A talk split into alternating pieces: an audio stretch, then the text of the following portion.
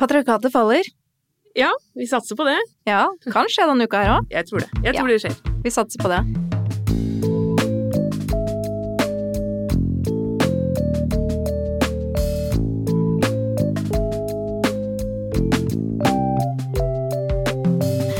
Og her er vi jo inne i denne pågående samtalen vår. Hvor var vi sist? Sist så prata vi om eh, den fantastiske TV-serien Miss America som vi følger med på. Mhm. Og den følger vi fortsatt med på, for den har jo ikke gått ferdig ennå på HBO, så det er jo en eh, a work in progress. Jeg syns jo det er så fascinerende med den serien, er jo at jeg lærer jo mye nytt. Ting som jeg om historien. Ja, om historien bak, og blant annet da denne kvinnelige eh, kandidaten, svart kvinnelig kandidat til å bli demokratenes eh, presidentkandidat. Mm. Eh, Shirley Chisholm het hun. Ja. Jeg hadde aldri hørt om henne før, jeg. Nei, hun eh, er ikke så kjent i Norge. Uh, og i det hele tatt at det var uh, Jeg tror kanskje vi trodde at Hillary Clinton var første uh, som var, prøvde seg på, Ja. det, på dette, men, men Shirley Chisholm var først. Ja, og fascinerende også med da denne altså karakteren som både Hun er kvinne, hun sitter jo i, i Kongressen, så hun har jo blitt valgt inn, og, og det er jo en fascinerende historie, for hun hadde jo virkelig gode muligheter til å nå frem òg. Ja, hun hadde mange bak seg. Men ble motarbeida også internt i Ja. kvinnebevegelsen. Det var for mye på liksom med både kvinne og svart, tror jeg. Mm. Jeg tror nok at demokratene gjerne ville ha med seg både eh, de fargede stemmene og kvinnestemmene, men det skulle liksom bare være nok at hun skulle nå passe langt. Ikke sant? Ja. Så hun har jo sagt det at uh, if you can't get a seat at the table, bring a folding chair. Ja. Det er bra. Det, jeg har sett det som sånn meme på nettet. Er fantastisk uh, sitat, Bra og bra dame som, uh, som jeg godt syns man kan plukke inn igjen i eh, historiebøkene. Mm. Jeg- Vet du Apropos eh, amerikanske politikere. Jeg så eh, i går, jeg hadde maratonkveld i går aleine. Satt og så alle fire episodene av dokumentaren om Hillary Clinton. Den ligger ute på NRK nå. Og det var, det var helt fantastisk. Eh, Både bra, eh, holdt jeg på å si, altså positive vibber, men også veldig opprørende og sørgelig. Det, det er eh, Nanette Burstein, Burstein som er, eh, har regien på denne her. Og både Skysholm, Shirley Skysholm og hun Phyllis Schlafly, som er en annen figur i denne Miss America, eh, dukker opp eh, i historien, fordi mm, Hillary Clinton var jo en del av kvinnebevegelsen eh, på slutten av 60-tallet i USA. Og man følger henne da fra, hun, fra oppveksten. Hun vokser jo opp i en tid hvor alle mødre var hjemmeværende i USA.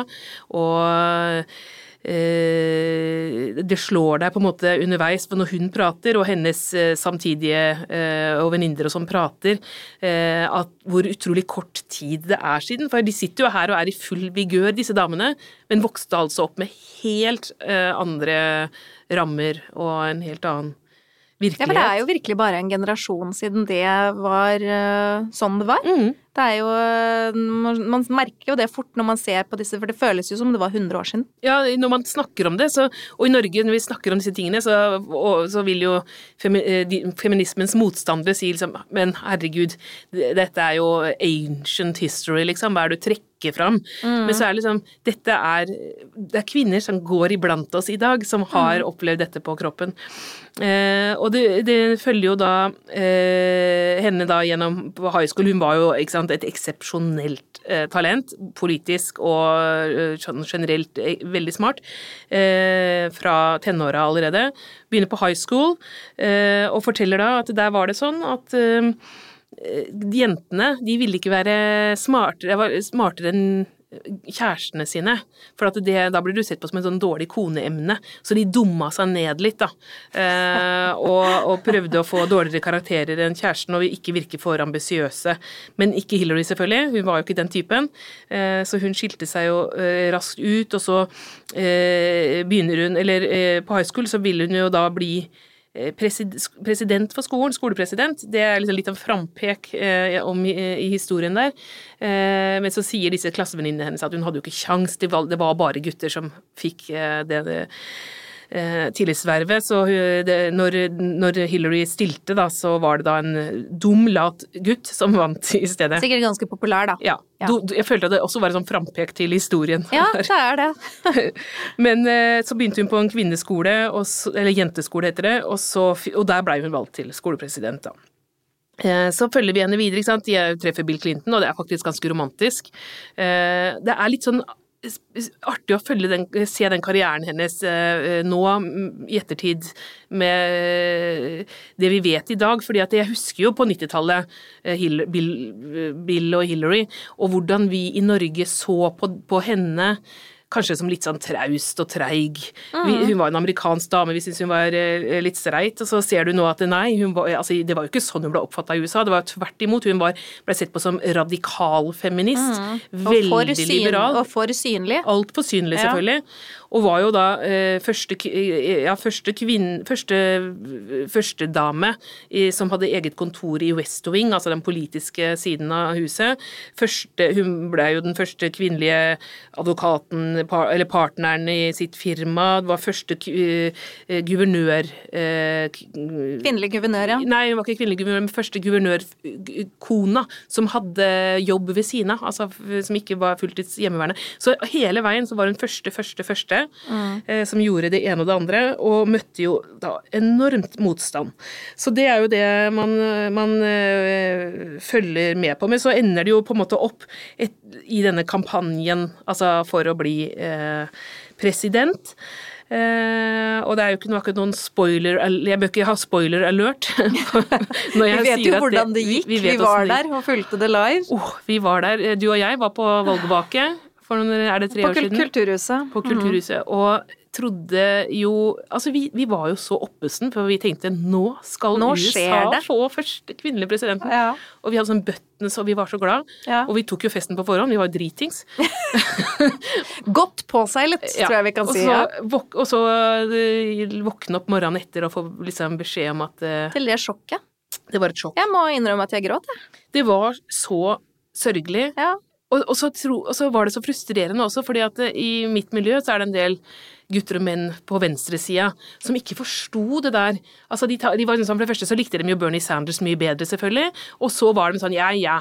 eh, Det var mye sånn Hun var Hun ikke var den jo- beste kandidaten og, og Var ikke den beste kandidaten, Ja, jeg vet. liksom. Så dere hvem hun konkurrerte med, eller? Ja.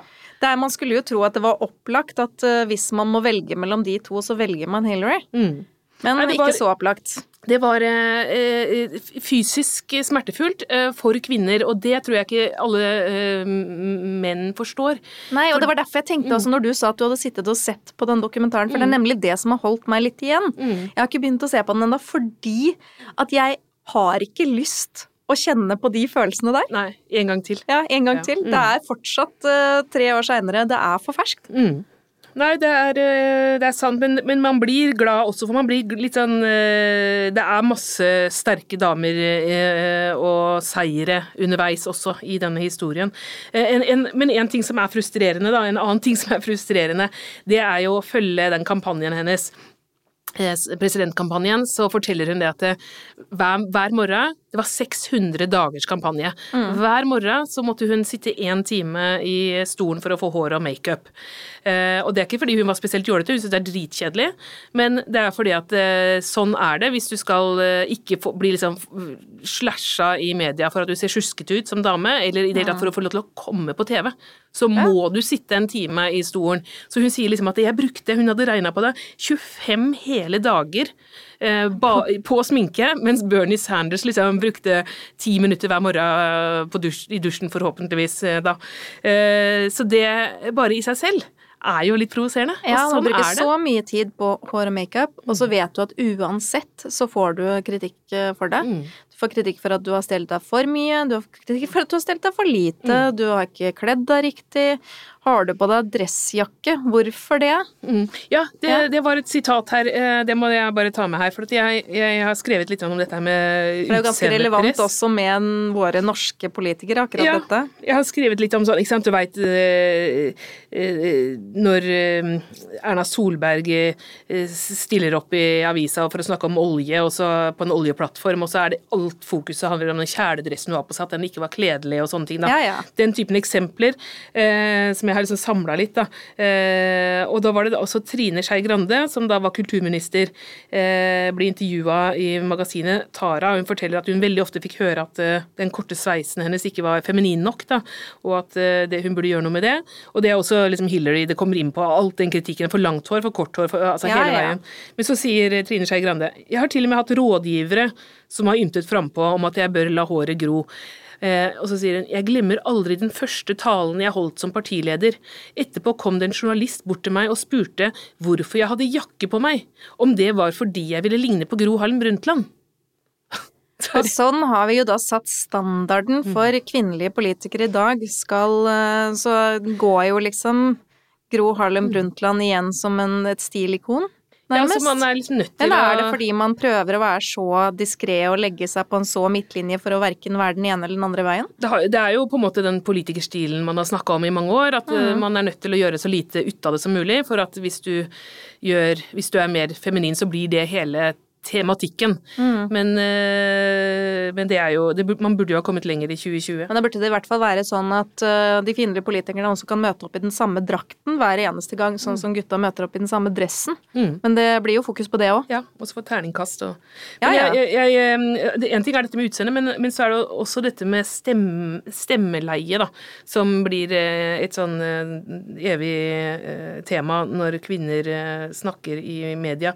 Og, og der eh, fikk, eh, Hillary Clinton fikk mange sånne eh, tips da, om å legge stemmen her eller der. Har du prøvd på det, å forandre stemmen din? Det går jo ikke Det er eh, ikke lett. Skal du ha det i bakhuet at nå må jeg prøve å forandre Nå skal jeg snakke med en helt annen stemme. Det går jo ikke. Det Mm. Men der jo finnes det jo også studier på det, fordi at øh, den menneskelige aksepten for mannestemmer er jo mye bredere enn en aksepten for en kvinnelig stemme. Mm. Så Jeg tror ikke det er biologisk. Det tror Nei, jeg det tror jeg jo er tillært, og det er jo Mm. også fordi at man i, i lang, lang tid bare hørte menn mm. snakke. Ja, ikke sant? Det handler om det.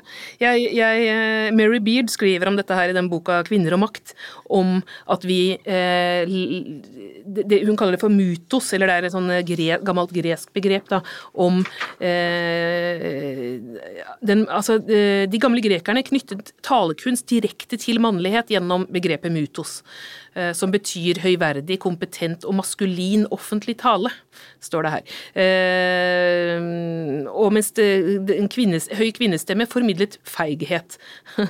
Ja, ikke sant. Eh, Så det handler om autoritet eh, og hva vi på en måte har forbundet med disse eh, med, ly, ly, lydnivået. Men, men så var det en annen ting jeg hadde her også, som jeg eh, Jo, eh, jeg var jo jeg, det, det her minner meg nemlig om en sånn episode når jeg var på en, et politisk seminar for noen år siden. På, det var Arbeiderpartiet, og jeg hadde sittet i sånn panel eh, sammen med noen andre. Og eh, konferansieren gjennom hele dagen var Anniken Huitfeldt. Hun hadde tidligere vært minister og var jo høy, kommet seg høyt opp i politikken. Og var, gjorde en kjempebra jobb som konferansier. Og så når vi var ferdig, så var det sånn debrief. Og da eh, sier en feminist, var det, i 60-åra, eh, jeg skal ikke si hvem det var, men eh, sier da til eh, henne etter endt dyst du burde legge stemmen din ned et par hakk i leie, eh, Anniken, så kanskje du blir tatt litt mer seriøst.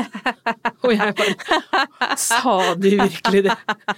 Og det var bare, da, da gikk det liksom opp for meg til hvor eh, dypt eh, kvinneforakten Ja, men, ligger, altså. ja, men man må også bli helt blind for at du har et menneske foran deg som har klart seg utmerket vel med den stemmen hen har, Ja. og så skal du likevel finne det for godt å korrigere på en sånn måte. Mhm. Nei, det er, øh, det er fascinerende. Mm. Men øh, på tale om Hillary Clinton, Mm.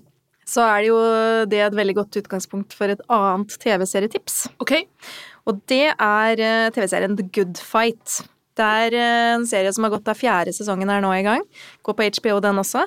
Eh, og med hovedpersonen Diane Lockhart. Og da er vi tilbake på den sorgen og eh, det brutale ved at Hillary Clinton ikke vant. Det er fiksjon, det her, ikke sant? Dette er fiksjon, mm. men det tar utgangspunkt i det. For det er mm. rett og slett Diane Lockharts sjokk og vantro idet Hillary Clinton taper presidentvalget, som blir setter liksom startskuddet for hele serien. Mm. Og etter min mening så er det, det er en advokatserie. Det handler om uh, mye som har å gjøre med juss, men det er også et veldig sosialt ansvar. Det er enormt mye politikk, og jeg tør å påstå at det er noe av det mest Trump-kritiske som fins av fiksjon som går som TV-serie akkurat nå. Mm. Anbefales varmt. Mm.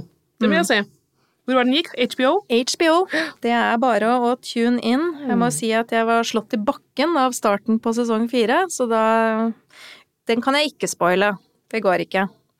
Men vi snakka jo om litt andre tilbakeblikk, for uh, tidligere så har vi snakka om denne sirenesamlingen som du har uh, plutselig i hende. Ja, jeg fikk jo ti årganger, dvs. Si absolutt alle årgangene av eh, det feministiske tidsskriftet Sirene, og det snakka vi en del om i forrige eh, episode. Dette er jo da det norske svaret på Miss Magazine, som Gloria Steinem eh, dreiv i USA. Uh, og vi tenkte det hadde, ikke sant, Siden jeg driver og leser dette her, uh, jevnt og trutt, så kan vi jo ha sånn at jeg kanskje tar med meg noe fra Sirene hvert i hver pod ja. Eh, her, da. Jeg tror det første jeg reagerte på, var hvor utrolig liten skrift ja, det er, det er på noen av de sidene. De, de, ga alt for å få med det de skulle ha med i nummeret sitt. Det er, god, det er trangt om plassen her. Ja. Og jeg har fått sånn der gammaldamesyn. Sånn ja, det, det, går for oss begge, da. Så det, er gjengs. Så da holde det her borte. Men jeg skal prøve å lese. Et, det var nemlig et uh, klipp her, da. Det er sånn klippspalte hvor de liksom uh, tok med ting de ble provosert over på den tida her. Og dette er i 1976. Det er det året jeg ble født. Eh, Ikke så lenge siden, med andre Det er jo en veldig kort tid siden dette her. Og da var det da en restaurant i Bergen som het Chianti, eh, som ikke lot kvinner få kjøpe halvlitere. Og dette var jo ikke, det var ikke bare denne restauranten, altså det, dette var ganske gjengs på mange steder. Fine etablissementer eh, på 70-tallet. Så skulle kvinner bare drikke det de kalte for dameøl. Det er jo 0,33 ja. Eh, maks. Eh, og, og, det var på en måte bare sånn, sånn det var. Men så var det jo da eh, BT her da i 76, de spurte hvorfor. Og det er litt gøy å høre hva eh, han restauranteieren Kjell Hopen eh, sier til BT. Vi ønsker å beholde et pent publikum, og jeg kan ikke skjønne at det skal være nødvendig at kvinnelige gjester absolutt må drikke halvlitere med øl. En slik oppførsel sjenerer nabobordet. Og så fortsetter eh, BT, må sikkert være en uh, kan, det være, kan det være en kvinnelig journalist? Det var en kvinnelig journalist. Fordi hun følger opp da ved å si at er ikke dette litt diskriminerende, da? Og så sier han våre mannlige besøkende får selvsagt kjøpe halvlitere. Forskjellen mellom å servere menn og kvinner øl i halvlitersglass er brutaliteten. Jeg kan ikke tenke meg noe mer uappetittlig enn å se en kvinne sitte på restaurant og leppje i seg øl fra så store glass. Det er visst nok elendighet i samfunnet om ikke vi skal bidra med å senke restaurantstandarden til et slikt nivå. Ja, der går grensen.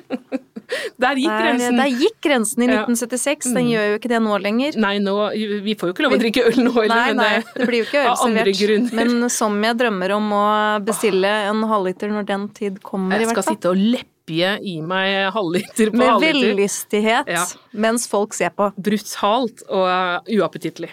Sånn kan det være. Apropos eh, øl. Eh, for et par år siden så kom det en bok på Vigmostad Bjørke som handla om eh, ølbrygging for kvinner. Altså det var liksom en egen bok om Det er jo spennende. Ja, men jeg... Hva er det som skiller ja, Ølbrygging for menn. Kvinn, menn og kvinner. Hvorfor, eh, må, gjør man det på ulik måte, liksom? Jeg syns det var litt sånn rart. Eh, men det var jo sikkert det at eh, altså, ølbrygging har vel vært en så veldig maskulin hobby, da. Og så skal man prøve å åpne den verden for kvinner, og så må det liksom være litt Ja, så må man liksom pakke det inn i litt blomster og Ikke lest- Jølefeminint? Jeg har ikke lest boka, jeg veit ikke åssen den var. Jeg bare synes, jeg husker jeg bare tenkte, jeg bare tenkte For det, det er et eller annet med det med øl og, og kvinner og menn, da. At, det, at øl kanskje har en mer eh, macho eh, Så selv etter 1976 Ja. så er det fortsatt slik at vi syns at øldrikking er mer maskulint. Ja, det kan hende det er noe der, altså. En annen eh, ting jeg har notert meg, apropos dette med kjønn og mat og drikke, så, mm, så er det Det finnes jo også kokebøker for kvinner og menn, holdt jeg på å si, altså kjønnsdelt. Eh, og det var en forsker eh, på NTNU som heter Stig Kvål. Han har skrevet en artikkel eh, om kokebøker for menn gjennom historien. Eh, fordi det dukka opp eh, Altså i Norge, da. Eh, den, eh, 1945, det var den første kokeboka for menn som kom ut i Norge. Det var sånn etter krigen. Ja, det må Man jo ha måtte vært liksom mm, finne et nytt marked for ting, og, og det var den spinnen de fant der. Ja, og det var jo det at det som er litt gøy, for han, han går jo gjennom disse utviklingen i disse kokebøkene for menn da, som har kommet opp igjennom, og den, eh, de første, da var det veldig sånn det, Da sto det jo rett ut at det var veldig viktig for menn å lære å lage seg mat i tilfelle kona ble syk. Eller at hun av en eller annen grunn da ikke skulle være hjemme en kveld. Eh, og det var eh, veldig enkle oppskrifter, sånn helt, helt dummies. Sånn kok vann. ja, man antok at han ikke kunne noe som helst, da. Og så, det var liksom 40-50-tallet, de bøkene som kom da. Så kom, kom 70-tallet. Da var det en bok som het Kåres Nam-Nam-bok. Skrevet av en pianisten Kåre Siem, og den hadde undertittelen 'Primitiv minikokebok for de absolutte nybegynnere, duster og kløner'. Så fremdeles så gikk det ut på dette her med at menn er helt inkompetente. Håpløse på kjøkkenet. Og at de også trenger humor for å, for å på en måte gidde, da. Det, det, har, det husker jeg også da de første pappabøkene kom. På 80-tallet og sånn, så var det liksom Cosby, Bill Cosby. Eh, han kan vi snakke om i dameprogram. program. Ja, han var jo et stort forbilde Ja. der på 80-tallet. var jo faktisk det. Og, og Tande P og sånn, de ga ut sånne pappabøker, og det var også sånn derre på det nivået at man skulle måtte tulle og tøyse veldig, da. Det var sånn lun humor, det er litt artig Ja, og ja, og litt sånn at man liksom duster og kløner. Altså, man, man regna med at menn eh, syntes at bleier var veldig kvalmende, og at eh, liksom ikke de forsto fra, opp og ned og fram og tilbake på en unge og sånn. Det var litt det utgangspunktet som minner om disse kokebøkene. Men så var det liksom utover 80-tallet så endra det seg litt. Da, var det sånn, eh, da ble det sånn familiefedre som faktisk skulle lage god og næringsrik mat, mat for familien. Da. Det var litt mer den eh, approachen. Eh, og også erotiske kokebøker Å, det var veldig stort, og det husker jeg også fra min tidligere karriere i bokhandelen.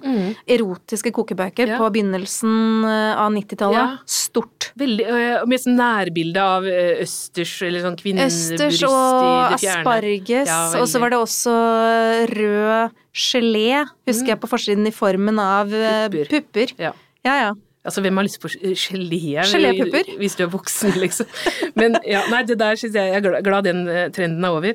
Eh, og, så kom, eh, og så kom disse macho-macho-bøkene. Og det syns jeg egentlig var- er liksom det kjipeste nesten med den trenden.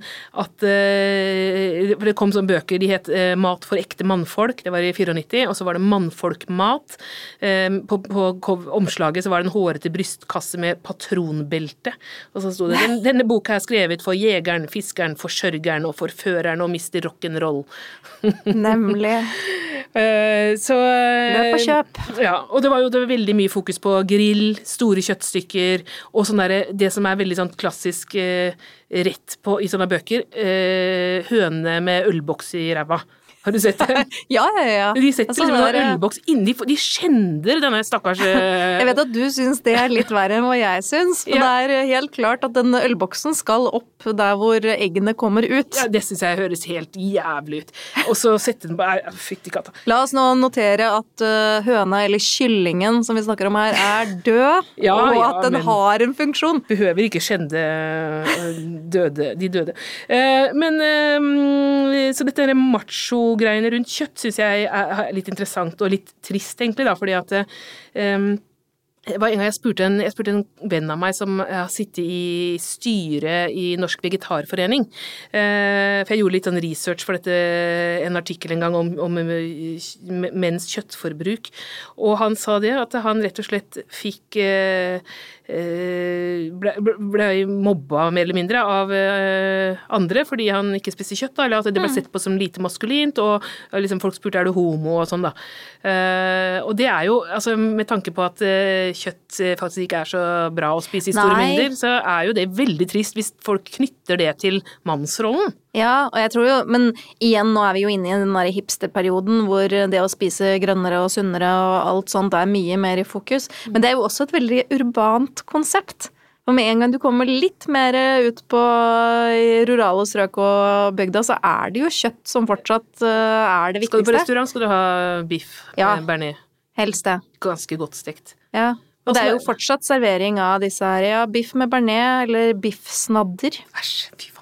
Ja, med salat med Thousand Island og boksmais. Du er jo kjæreste med en kokk, så dette Det høres nesten ikke sånn ut. dette er vel ikke noe du får hjemme?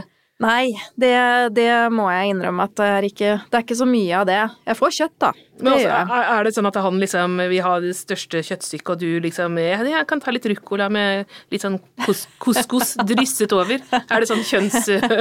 det er ikke noe kjønnsforskjell uh, vi spiser likt, men det er jo igjen Det kan godt hende at han slenger en gedigent kjøttstykke på bordet. Det ser jeg ikke bort ifra. Men mm. det er jo som én av tingene, eventuelt. Dere er jo litt sånn hipstere, dere. Det er du som, jeg husker jeg fikk en flaske med sånn kombucha av deg. Riktig. Jeg, jeg, må innrømme at vi, vi, vi drakk den ikke opp. det ja, litt dårlig samvittighet, men det, mener, og jeg vet dere har brukt lang tid på det og sånn, men, men eh, det, er, det, smakte jo ikke godt. Og det er jo ikke alkohol heller. Er, faktisk så er det alkohol. Er det? det er bitte litt alkohol i alt som er sånn fermentert. Så neste gang så skal jeg skrive alkoholprosenten på, så skal du se det går ned. Da går det ned. Ja, Men nå holder vi på med vannkefir, så skal jeg også sørge for at du får deg en flaske. Vann, men det er også alkohol, kanskje kefir? Det er også litt alkohol, akkurat som Nå ble det mye alkoholreklame her. Ja, men dette er i hvert fall barnevennlig. Mm. Det kan man også si. Så ja, vi har våre prosjekter. Definitivt. Men så får man jo også en del sånn uventa kunnskap når man er uh, samboer med en kokk. Sånne ting som jeg aldri har hørt om før. Uh, som blant annet det at du kan ikke lage majones, hjemmelaga majones, hvis du har mensen. Hæ? Hvorfor det? Det lurer jeg også på. Så jeg tror nesten at vi må kjøre en liten test.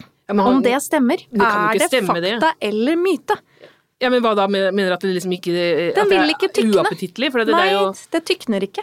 Det er et eller annet som gjør at, uh, som gjør at det er sånn. Det er jo et dette mysterium. Høres ut, dette høres ut som sånn uh, Plinius den eldre kunne ha sagt.